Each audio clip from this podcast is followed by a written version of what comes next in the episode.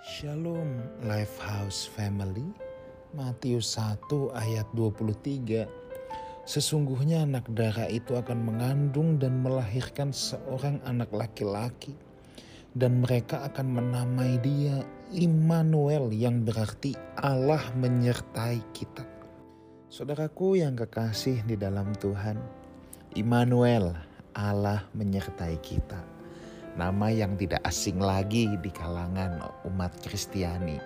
Bahkan nama ini sering kali um, digunakan ya, untuk nama-nama Kristiani.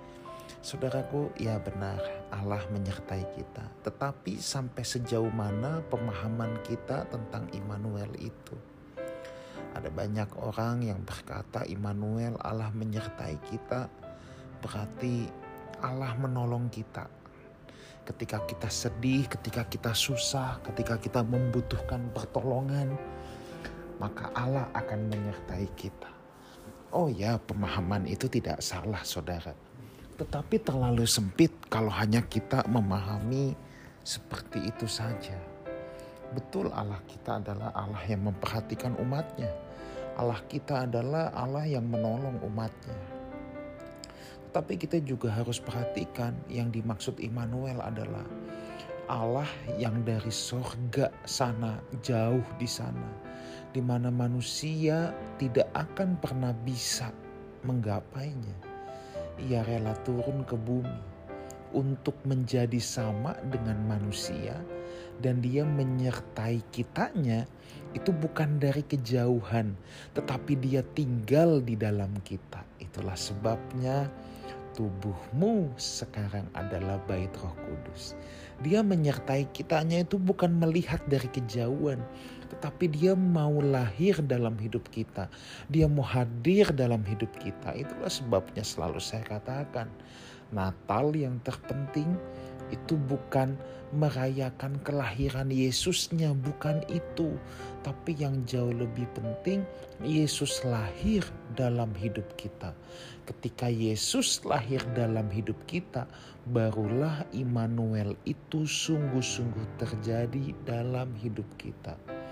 Sebab kalau Yesus hanya jadi pemandu sorak, hanya jadi eksternal party, itu tidak akan berarti apa-apa. Makna Immanuel itu belum nyampe. Belum nyampe saudaraku.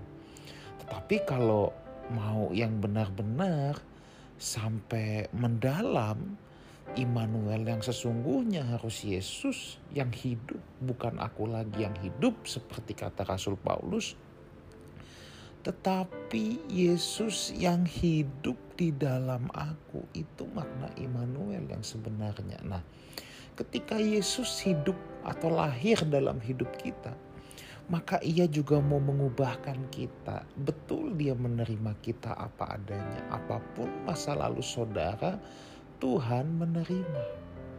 Apa pun masa lalu saudara, Tuhan menerima with no question. Tetapi yang namanya Allah menyertai kita, Allah tinggal di dalam kita. Dia tidak membiarkan kita seperti ketika pertama kali saudara belum ketemu dia. Dia akan mengubah kita menuju keserupaan dengan dirinya. Di situlah makna Immanuel yang sebenarnya.